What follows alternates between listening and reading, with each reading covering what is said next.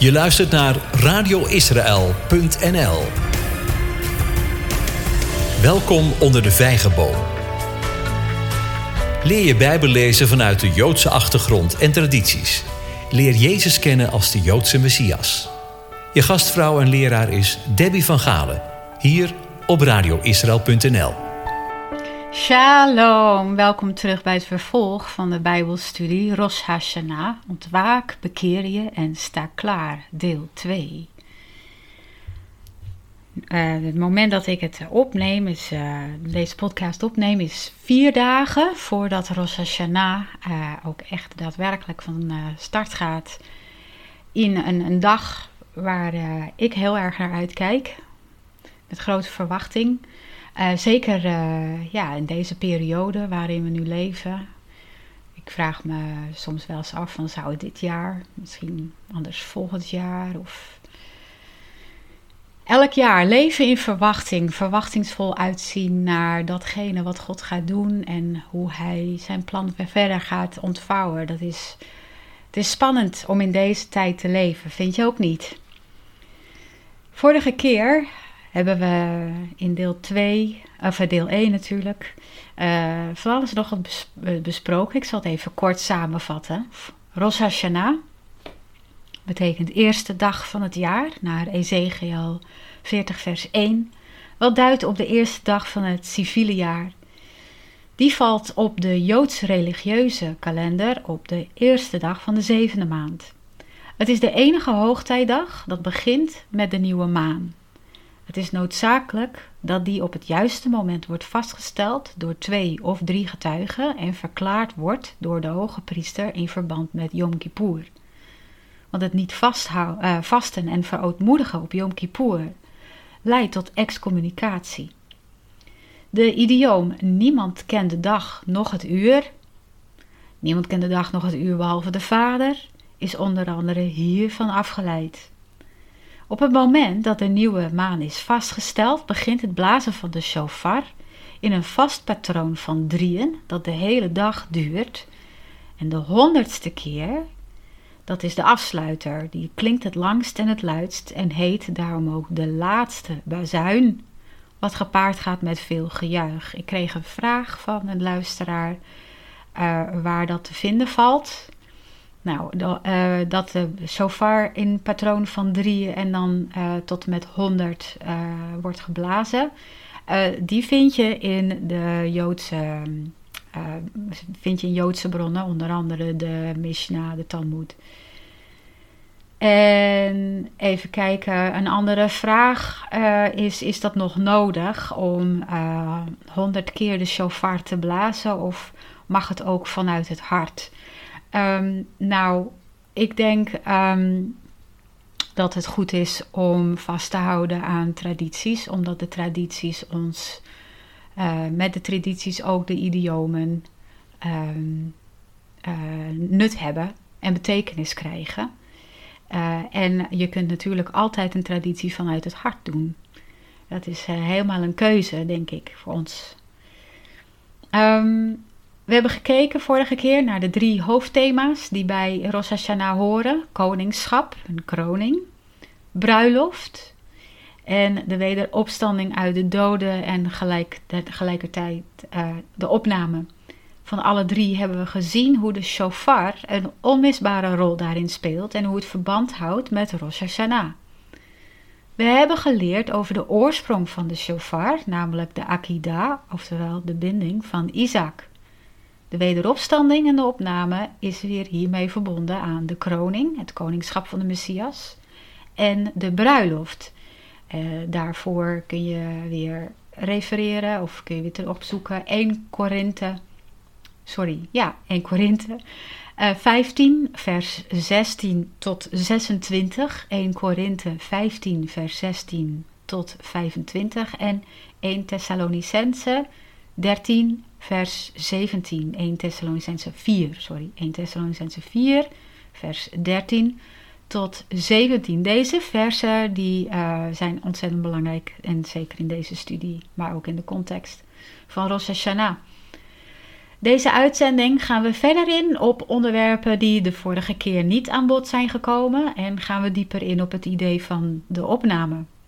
Over dat laatste is uh, veel verwarring inmiddels. De vraag die daarbij wordt gesteld en waar ook, op, waar, uh, ook stellige antwoorden worden gegeven tijdens uh, verhitte discussies, die heb je vast misschien wel gevoerd, is, um, vindt de opname plaats voor, tijdens of na de grote verdrukking? In deze podcast ga ik niet in op de verschillende zienswijzen. Ik wil je vooral meenemen op zoek naar patronen in de Bijbel en in de Joodse gedachten van de Tweede Tempelperiode en of zo ver mogelijk daarvoor. Hoe dichter we daarbij komen, des te beter we onze Bijbel tenslotte zullen begrijpen, nietwaar? Wat we de vorige keer nog niet behandeld hebben, zijn de volgende zaken die bij Rosh Hashanah of Yom Teruah horen. Dat is uh, bekering, die was ik vorige keer vergeten te noemen trouwens. Bekering is essentieel in deze periode. Uh, dag des oordeels, en dat heet dus ook uh, bekend als de dag des heren. Boek des levens en zoetigheid. Voordat we daar aan toekomen, aan die vier, zullen we eerst weer even terug moeten naar het ram dat in de plaats van Isaac kwam in Genesis 22. Dat ram zat met zijn horens vast, staat er. Volgens Joodse traditie wijzen de beide horens vooruit naar twee zeer belangrijke gebeurtenissen in de geschiedenis die dan nog zouden gaan plaatsvinden. Gebeurtenissen in de geschiedenis van Israël en in de geschiedenis van de wereld. Eén is vervuld bij de berg Horeb. Voor de andere zal het niet lang meer duren om vervuld te worden. Volgens de Pirkei Avot, Rabbi Eliezer, staat de, de linkerhoorn van het ram symbool voor de eerste shofar, geblazen op berg Horeb toen de Torah werd aangeboden. Dit kunnen we lezen in Exodus 19, vers 16 tot 19. Exodus 19, vers 16 tot 19. Ik lees het voor in de, van de herziene staatvertaling. En het gebeurde op de derde dag, toen het morgen werd, dat er op de berg donderslagen, bliksemflitsen en een zware wolk waren, en een zeer sterk bazuingeschal zodat al het volk dat in het kamp was beefde. Mozes leidde het kamp uit het kamp God tegemoet. Ze stonden onderaan de berg. De berg Sinaï, dat de berg Horeb dus is, was geheel in rook eh, gehuld, omdat de Heere er in vuur neerdaalde. De rook ervan steeg omhoog als de rook van een oven, en heel de aarde beefde hevig. Het bazuingeschal werd gaandeweg zeer sterk. Mozes sprak en God antwoordde hem met een stem. Toen daalde de Heere neer op de berg Sinaï op de top van de berg. De Heere riep Mozes naar de top van de berg en Mozes klom naar boven. Heb je toevallig ook opgemerkt hoe we hier weer het beeld van de bruiloft hebben, het elkaar halverwege treffen? Hier trad Mozes op als huwelijksbemiddelaar, als matchmaker, die nodig was om de verloving in goede banen te leiden, zodat het legaal werd. Lees trouwens, met wat je nu tot nu toe hebt geleerd, ook Hebreeën 3, vers 1 tot 6. Hebreeën 3, vers 1 tot 6 maar eens. En zie of je het nu met een nieuwe blik leest. Ik denk van wel. Het andere dat we opmerken is dat er gesproken wordt over één shofar die klinkt. Dat is wat er in de Perkei Avot bedoeld wordt met de linkerhoorn van het ram die het eerst werd geblazen. We kijken nog eens wat meer naar de tekst. Terug weer naar Exodus, Exodus 19, vers 16 en 19. In het Hebreeuws staat in vers 16 letterlijk dit: Hakol shofar chazak meod. De sterke roep van de shofar betekent dat. En in vers 19 staat er in het Hebreeuws: Weyehi kol shofar holach vechazak meod. Dat betekent de roep van de shofar was lang, kan ook betekenen droeg ver en was zeer krachtig. We maken hieruit op dat het instemmen met het ontvangen van de Torah, van de Ketubah, door bruid Israël, was het nog niet ontvangen, hè? het was alleen nog maar mee ingestemd. Dat ging gepaard met het geschal van één luidklinkende shofar. Kol shafar staat daar. De eerste shofar en niet meerdere shofars, want dan stond er namelijk shofarim. En die shofar die werd steeds sterker. Hij klonk lang, droeg ver en werd daarbij steeds luider. Dat, samen met de voortdurende bliksemflitsen, de donderwolk en een enorme vuur, moeten ongelooflijk indrukwekkend zijn geweest. Het doet denken aan het verbond dat de Heere met Abraham sloot in Genesis 15. Genesis 15, maar ook aan de plagen die Egypte onderging. Zo ontzettend indrukwekkend.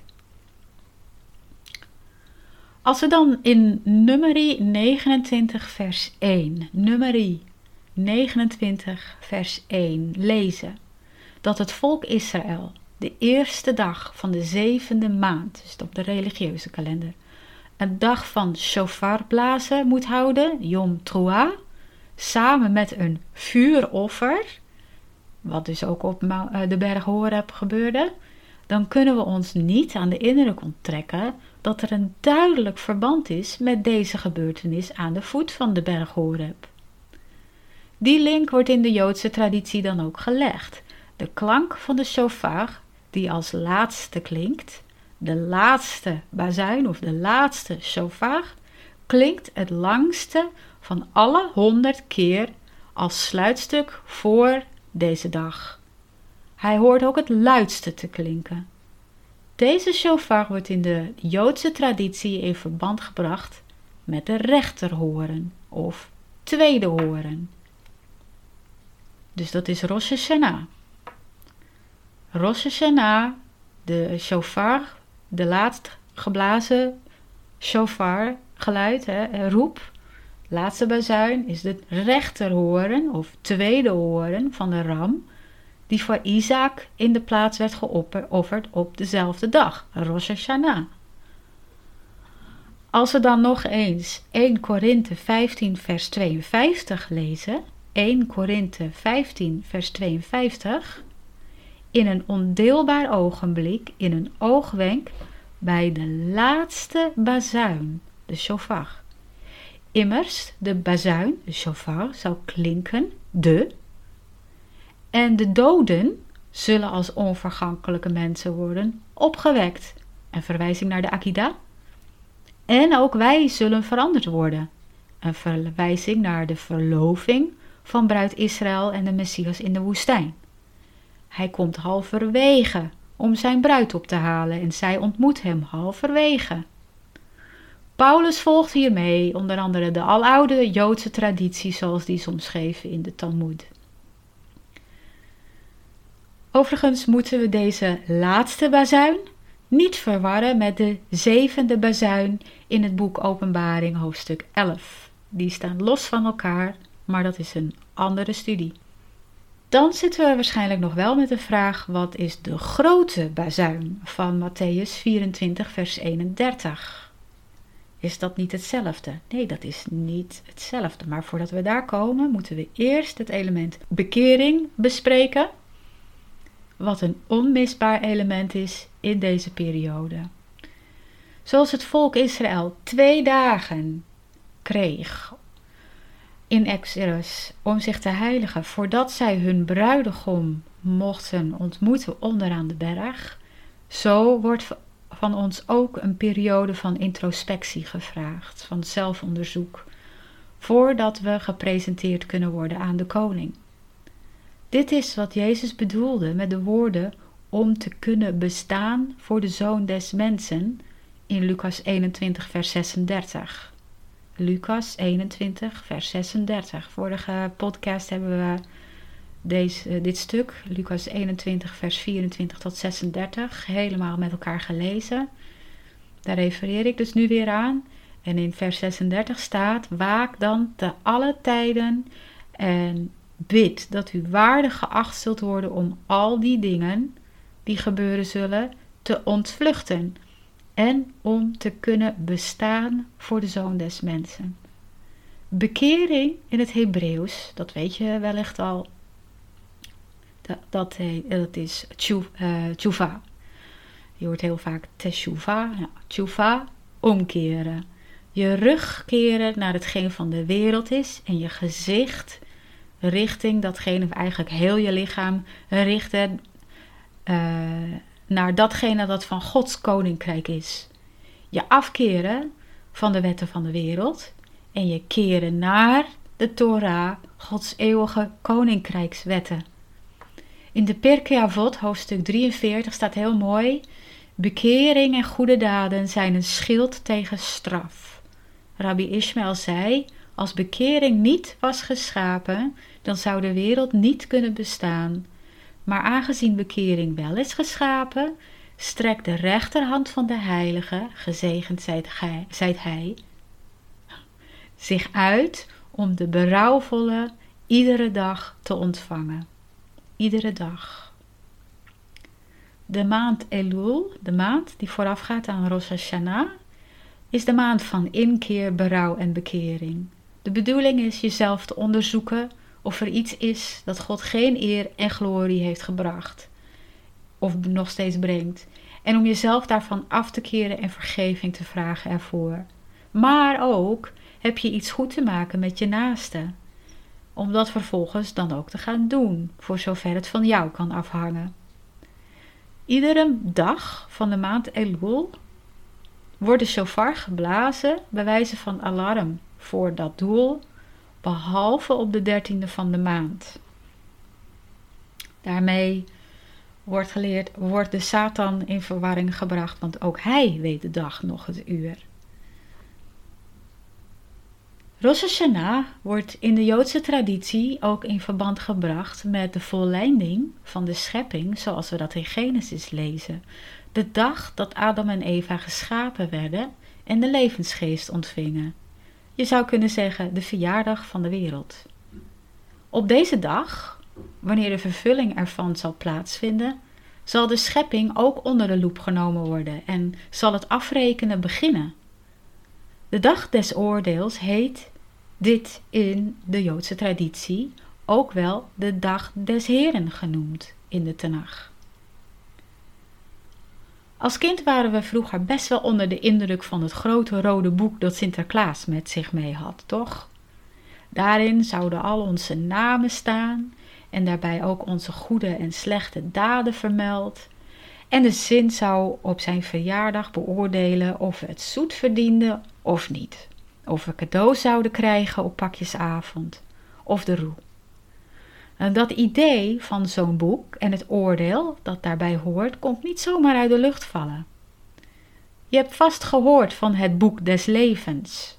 Dat wordt voor het eerst genoemd in Exodus 32, vers 32 tot 34. Exodus 32, vers 32 tot 34. Paulus noemt het ook in Filippenzen 4, vers 3. Filippenzen 4, vers 3 en ook in Openbaring 3, vers 5. Openbaring 3, vers 5 lezen we erover. Het openen van het boek des levens houdt direct verband met de dag des oordeels of dag van mijn vergelding, zoals het in Exodus 32, vers 34 staat. Exodus 32, vers 34. Of de dag des Heren, zoals we ook in Openbaring 1, vers 10 Openbaring 1, vers 10 lezen. Het houdt ook direct verband met het koningschap van de Messias, die recht zal spreken, wat op Rosh Hashanah zal aanvangen, aansluitend op de wederopstanding en de opname. En de Sidur, in de Sidur, dat is het Jood, een oud Joods gebedenboek, komen we het beeld van God als koning die recht spreekt heel vaak tegen. Veel van de gebeden beginnen al met de woorden: Gezegend bent u, Heere onze God, koning van het heelal. Jezus leerde zijn discipelen onder andere bidden: Mogen uw koninkrijk komen en uw wil worden gedaan in de hemel en op de aarde. En vergeef ons onze schulden zoals wij onze schuldenaren hebben vergeven. Voor uh, de verdiepende Bijbelstudie over het Onze Vader verwijs ik je graag naar de podcastserie Rabbi Leer ons bidden, waarin ik dit allemaal toelicht en uitleg. Afhankelijk van de stroming in het orthodox Jodendom worden deze gebeden ofwel de hele maand Elul, de Slichot vooral, uh, gebeden, of zes dagen voorafgaand aan Rosh Hashanah tot en met Yom Kippur. Met name, wat ik al zei, de Slichot. En uh, worden vroeg in de ochtend, als het nog donker is, vlak voor de morgen, gebeden, waarin de zonden worden beleden en waarin een beroep op Gods vergeving en genade wordt gedaan. Dat, dat is de slichot. In de gebeden die op de vooravond van Yom Teruah worden gebeden, in eh, de serie voor de, van de slichot, komen onder andere deze woorden voor. En u brengt voort onze rechtvaardigheid als het licht en ons oordeel als het middaguur. Voor uw oordeel staan zij vandaag, want allen zijn uw dienaren. Want de Heere is onze rechter, de Heere is onze wetgever, de Heere is onze koning. Hij zal ons verlossen.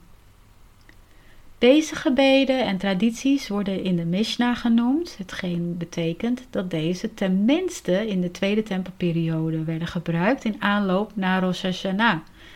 Ze waren dus bij Rabbi Jezus bekend. Veel later bestond er in Oost-Europa, in de Joodse gemeenschap, een traditie waarbij de verantwoordelijke voor de gebeden iedere ochtend van die maand, van de maand Elul, heel vroeg drie keer op de deur van ieder huis in zijn dorp bonste. Daarbij riep hij de woorden: Israël, heilig volk, ontwaak, word wakker en sta op voor de dienst van de Schepper. Mooi hè? In de Joodse traditie wordt geleerd dat Iedere ziel in het boek des levens is opgetekend tot aan het einde van hun aardse leven. Pas bij de overgang van het tijdelijke naar het eeuwige zal ook het oordeel vallen of de persoon in het boek des levens opgetekend blijft of voor eeuwig eruit wordt gewist. Dit komt weer overeen trouwens met Ezekiel 18 vers 4, Ezekiel 18 vers 4 en Openbaring 3 vers 5. Openbaring 3, vers 5. We gaan die niet samen lezen. Ik hoop dat je het hebt opgeschreven, anders spoel je nog maar eens even terug. Uh, en dan lees je, uh, ik, ik, raad het je aan en ik moedig je aan om uh, het zelf te gaan lezen. In de gebeden, die gebeden worden op slieg, de sliegod, klinken groot ontzag en groot vertrouwen in Gods genadige natuur door. En daarom wenst men elkaar op Rosh Hashanah toe dat zij mogen worden opgetekend voor een goed en zoet jaar, waarbij appels met honing gegeten worden. Laten we de laatste trompet, shofar, zoals gezegd, dus niet verwarren met de grote trompet, shofar of de grote bazuin. Die heet Kila Gdola. Tkia Gdola. Die hoort thuis op Yom Kippur, de grote verzoendag, de heiligste dag van het jaar. We zien dit goed terug in Jesaja 27 vers 13. Jesaja 27 vers 13, die gaan we lezen. Samen. Op die dag zal het gebeuren dat op een grote bazuin geblazen zal worden. Dan zullen zij komen die verloren waren in het land van Assyrië, die verdreven waren naar het land Egypte en zij zullen zich voor de Heere neerbuigen op de heilige berg in Jeruzalem. In Matthäus 24, vers 31, Matthäus 24, vers 31 spreekt ook, uh, Jezus hier ook over. Er staat, en hij zal zijn engelen uitzenden onder een groot bazuingeschal oftewel de roep van de grote shofar. En zij zullen zijn uitverkorenen bijeenbrengen uit de vier windstreken van het ene uiterste van de hemelen tot aan de andere uiterste ervan. En de hemelen wil dus niet zeggen de vier uh, hoeken van de aarde, de hemelen. Dus dat zijn de hemelse gewesten. De profeet Zacharia vertelt wat er daarna komt in Zacharia 14 vers 9. Zacharia 14 vers 9. De Heere zal koning worden over heel de aarde. Op die dag zal de Heere de enige zijn en zijn naam de enige. Aangezien omwille van de Joden in de diaspora Rosh Hashanah twee dagen wordt gevierd, niet één dag, tellen we vanaf het einde van die twee dagen nog zeven tussenliggende dagen, waarna bij het aanbreken van de avond, het begin van de tiende dag dus, Yom Kippur start. De tien dagen vanaf Rosh Hashanah, het begin van Rosh Hashanah, tot en met Yom Kippur worden de dagen van ontzag of de dagen van berouw genoemd. Dagen die het volk Israël krijgt om zich gezamenlijk als één geheel te verootmoedigen voor hun onzagwekkende God nadat zij dat eerst individueel hebben gedaan. Wat geldt voor Israël, geldt ook voor de wereld. Ook zij krijgen een periode van zeven tijdseenheden, dagen, jaren, om terug te keren naar God en zijn woord. Aan het einde van Yom Kippur, tijdens de één uur durende dienst, die Nila genoemd wordt, Nila, dat betekent sluiting, wordt de shofar, die op dat moment de grote bazuin heet, lang aaneengesloten geblazen. Dat is het teken van het beëindigen van de smeekbeden, dat de poorten van Gods genade altijd open zullen blijven. Ondertussen sluiten de hemelen zich weer, dat wil zeggen, de hemelse rechtbank is gesloten en het oordeel is gevallen, is, ja, is gevallen, geveld. Dit brengt ons op de kwestie van de opname. Hoe zal dat eruit gaan zien? En kunnen we dit weten? Mogen we dit weten? Uh, op die vragen, twee vragen, zal ik ja zeggen. Op welk moment mogen we die verwachten dan? Voor, in het midden of aan het einde van de grote verdrukking? Nou, ik zal het niet zeggen wat ik ervan vind, maar we gaan wel kijken naar de patronen in de Bijbel. Eerste betekenis. Welke betekenis heeft het woord voor opname in het Grieks, zoals we het lezen, bijvoorbeeld in 1 Thessalonicense 4 vers 17? In, uh, daar staat voor opname harpazo. Harpazo betekent nemen, wegstelen, opvangen, plukken, trekken, krachtig nemen, niet in het geheim of verborgene. Dat is ook wel interessant. En in het Hebreeuws dan? In het Hebreeuws is de equivalent voor harpazo natsal. En natsal is een Aramees leenwoord in het Hebreeuws. En in de Strong's Concordance heeft dat nummer 5337. 5337 heeft precies dezelfde betekenis. Hoe zal de opname eruit zien? Daarvoor moeten we zoeken naar eerder soortgelijke gebeurtenissen in de Bijbel en zien of daar een patroon in valt te ontdekken. Patronen in de Bijbel onderkennen zijn heel belangrijk. Dat is, dat is echt heel belangrijk, want zij bieden een voorschaduw van de dingen die zullen komen.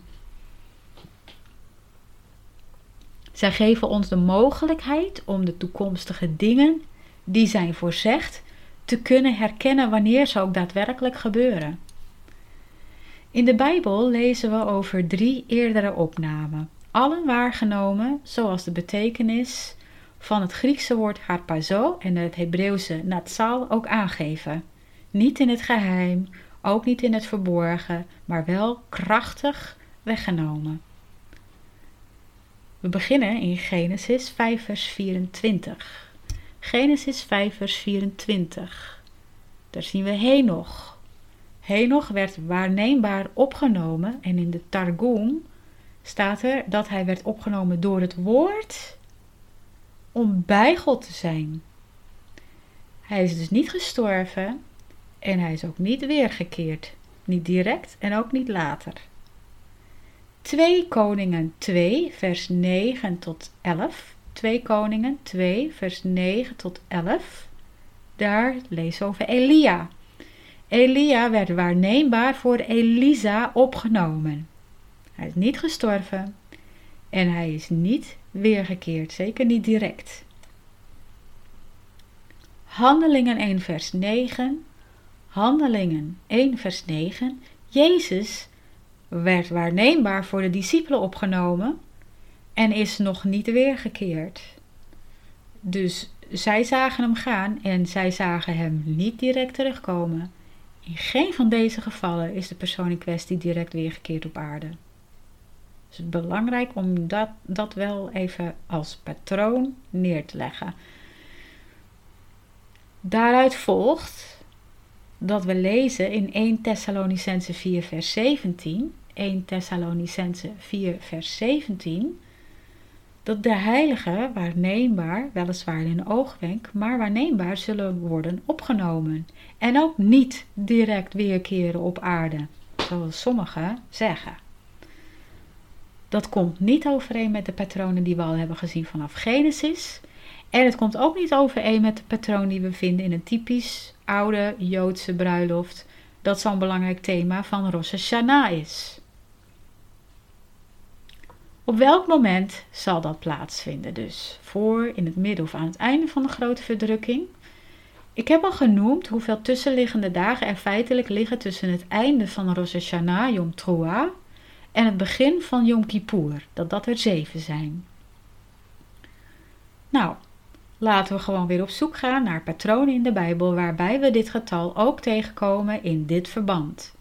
Patronen in de Bijbel zijn heel belangrijk, had ik dat al gezegd? Als we in de Torah beginnen, dan komen we een paar personen tegen die ook een dag des oordeels voor de wereld meemaakten. Noach en zijn gezin.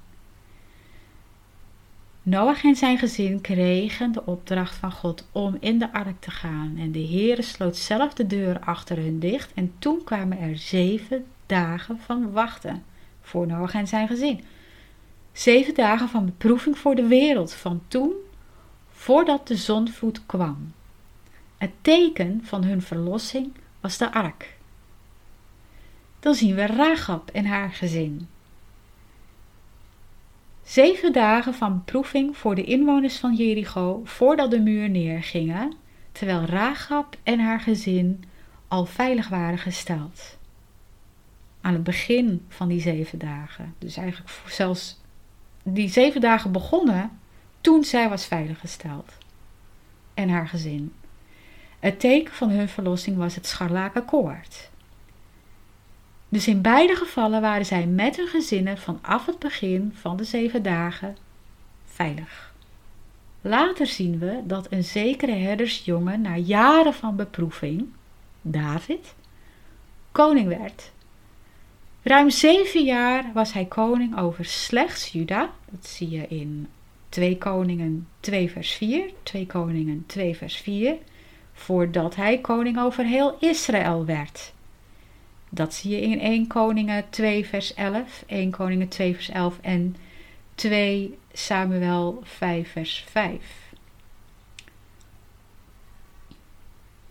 Tot slot zien we in de gebruiken rondom een Joodse bruiloft in de oudheid zeven dagen onder de goepa in het vaderlijk huis en ze worden bediend als koning en koningin.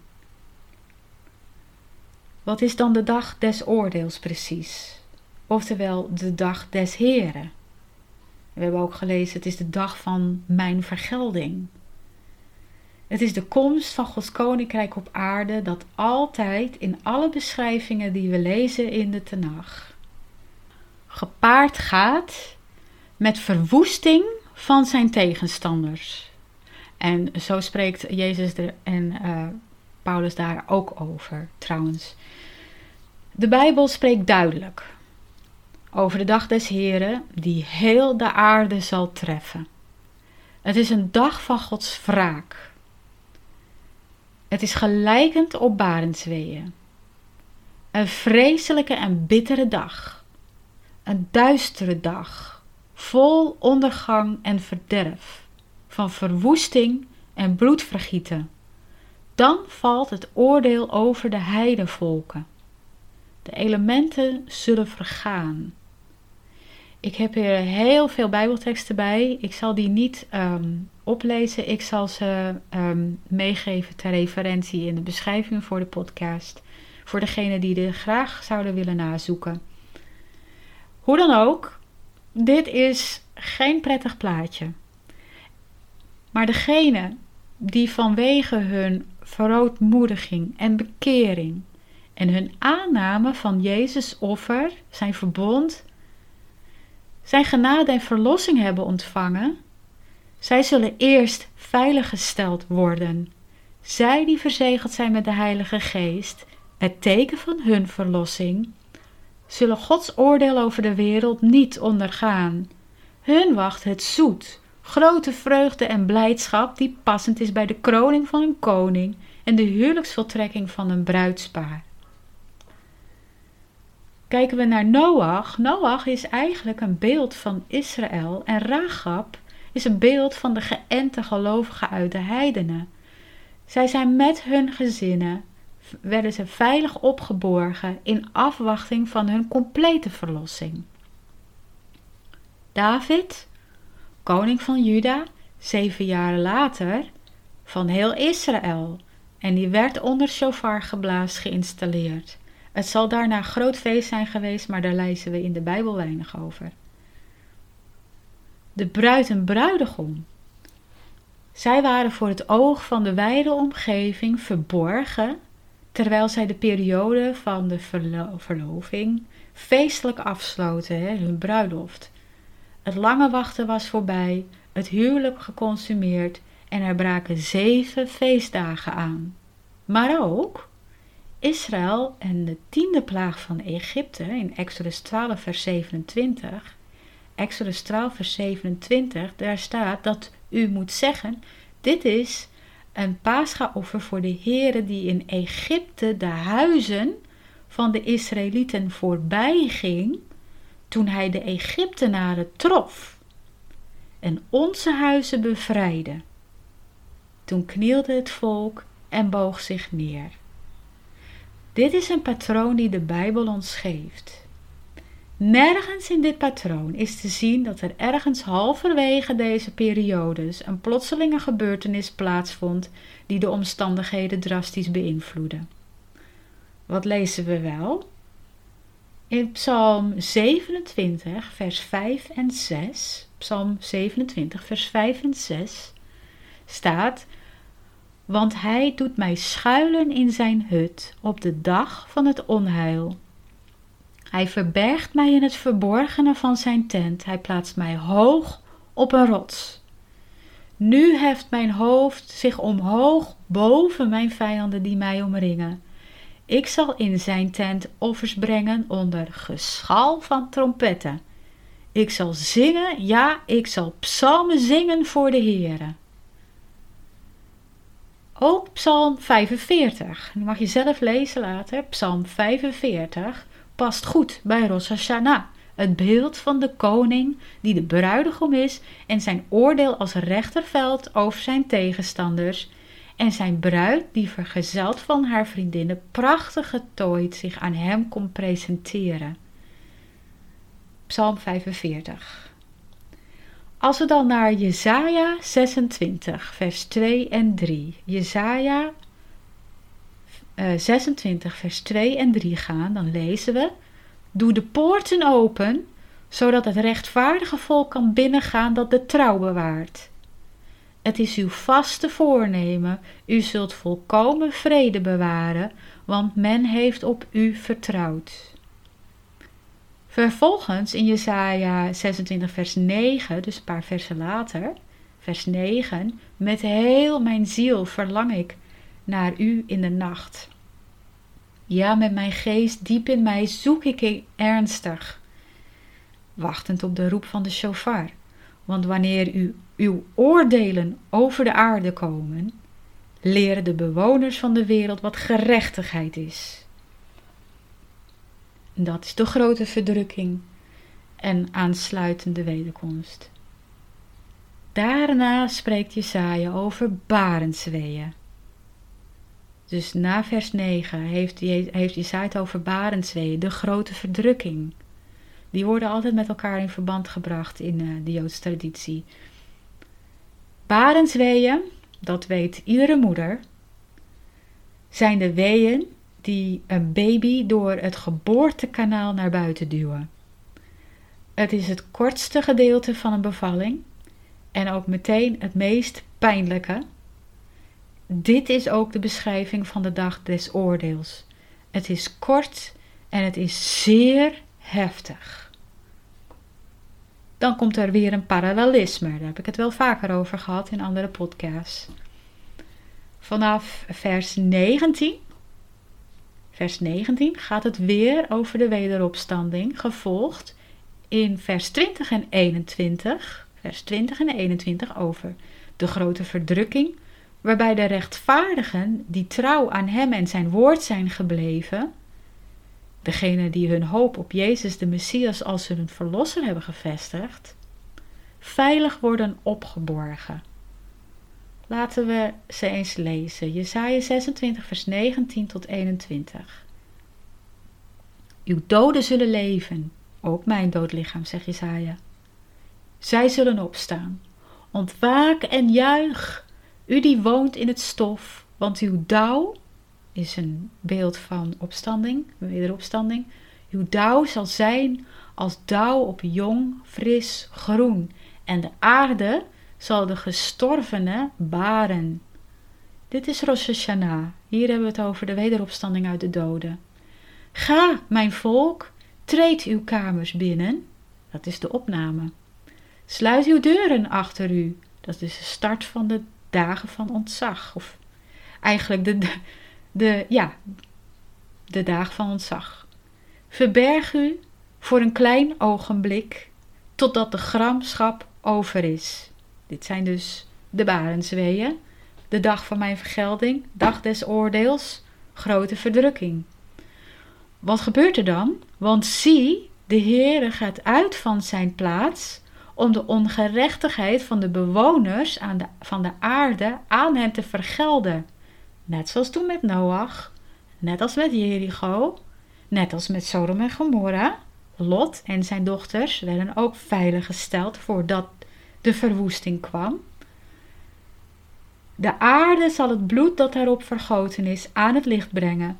Zij zal haar gedoden niet langer bedekt houden. En dan in Jesaja 57 vers 1 en 2. Jesaja 57 vers 1 en 2. De rechtvaardige komt om en er is niemand die het ter harte neemt. Dit is de situatie op de aarde zoals de situatie op de aarde is op een moment dat. er heerst liefdeloosheid en er heerst wetteloosheid. Dan komt het. De goede tieren mensen worden weggenomen zonder dat iemand erop let. Het is wel waarneembaar, maar niemand let erop. Zonder dat iemand erop let dat de rechtvaardige weggenomen wordt voor het onheil. Dat is de opname. Hij zal ingaan in de vrede. Zij zullen rusten op hun slaapplaatsen en ieder die in zijn oprechtheid wandelt. Lezen we nogmaals 1 Thessalonicense 4 vers 13 tot 18, 1 Thessalonicense 4 vers 13 tot 18 en 1 Korinthe 15 vers 52, 1 Korinthe 15 vers 52 over de opstanding van de doden en de opname, dan zien we als het goed is, nu de overeenkomsten met de teksten die we zojuist hiervoor gelezen hebben. En vervolgens begint dan de dag des Heren, zoals Paulus dat in 1 Thessalonicense 5 beschrijft.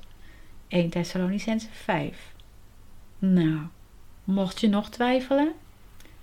Jezus spreekt in Openbaring 3, vers 10. Openbaring 3, vers 10 het volgende. Omdat u het woord van mijn volharding hebt bewaard, zal ik ook u bewaren voor het uur van de verzoeking veiligstellen, die over de hele wereld komen zal en hen die op de aarde wonen te verzoeken, te beproeven. Dus voordat dat uur aanbreekt, zal ik ook u bewaren. Het doel van deze studie was om de aandacht te vestigen op de grote geheimenissen die bij Rosh Hashanah horen, om hoop te geven en troost te bieden. Ik hoop dat dit het effect ook op jou is geweest. Zo niet voel je je een beetje ongemakkelijk. Neem gewoon de tijd. Deze tijd is daar perfect voor. Ga op je knieën. Maak het goed met God. Maak het goed met anderen. En zie uit naar wat er gaat komen. Paulus vertelt ons ook in 1 Thessalonicense 4 vers 18 dat wij elkaar hiermee mogen troosten. En gezien de tijd waarin we leven, hebben we dat ook nodig. Troost ook de gelovigen om jou heen hiermee. Als laatste nog een keer Maimonides over het blazen op de uh, van de shofar op Rosh Hashanah. Wat zei hij? U die slaapt, wordt wakker. Onderzoek uw daden en bekeer u. Kijk in uw ziel, u die het hele jaar door zich verwend heeft met kleinigheden. Wijzig uw paden. Laat een ieder zijn kwade weg en doel opgeven. Want er is altijd tijd en altijd mogelijkheid om je te bekeren en om ontvangen te worden en te bestaan voor de Zoon des Mensen. Ik zeg de Shana Tova met elkaar. Mogen je zijn ingeschreven voor een goed en zoet jaar. Mijn naam is Davy van Galen. Hartelijk dank voor het luisteren naar deze Bijbelstudie-podcast van Radio Israël onder de vijgenboom. Ik wens je God zegen en vrede en een zoet en goed nieuwjaar toe, jou en je naasten. Lied groot. Tot de volgende keer.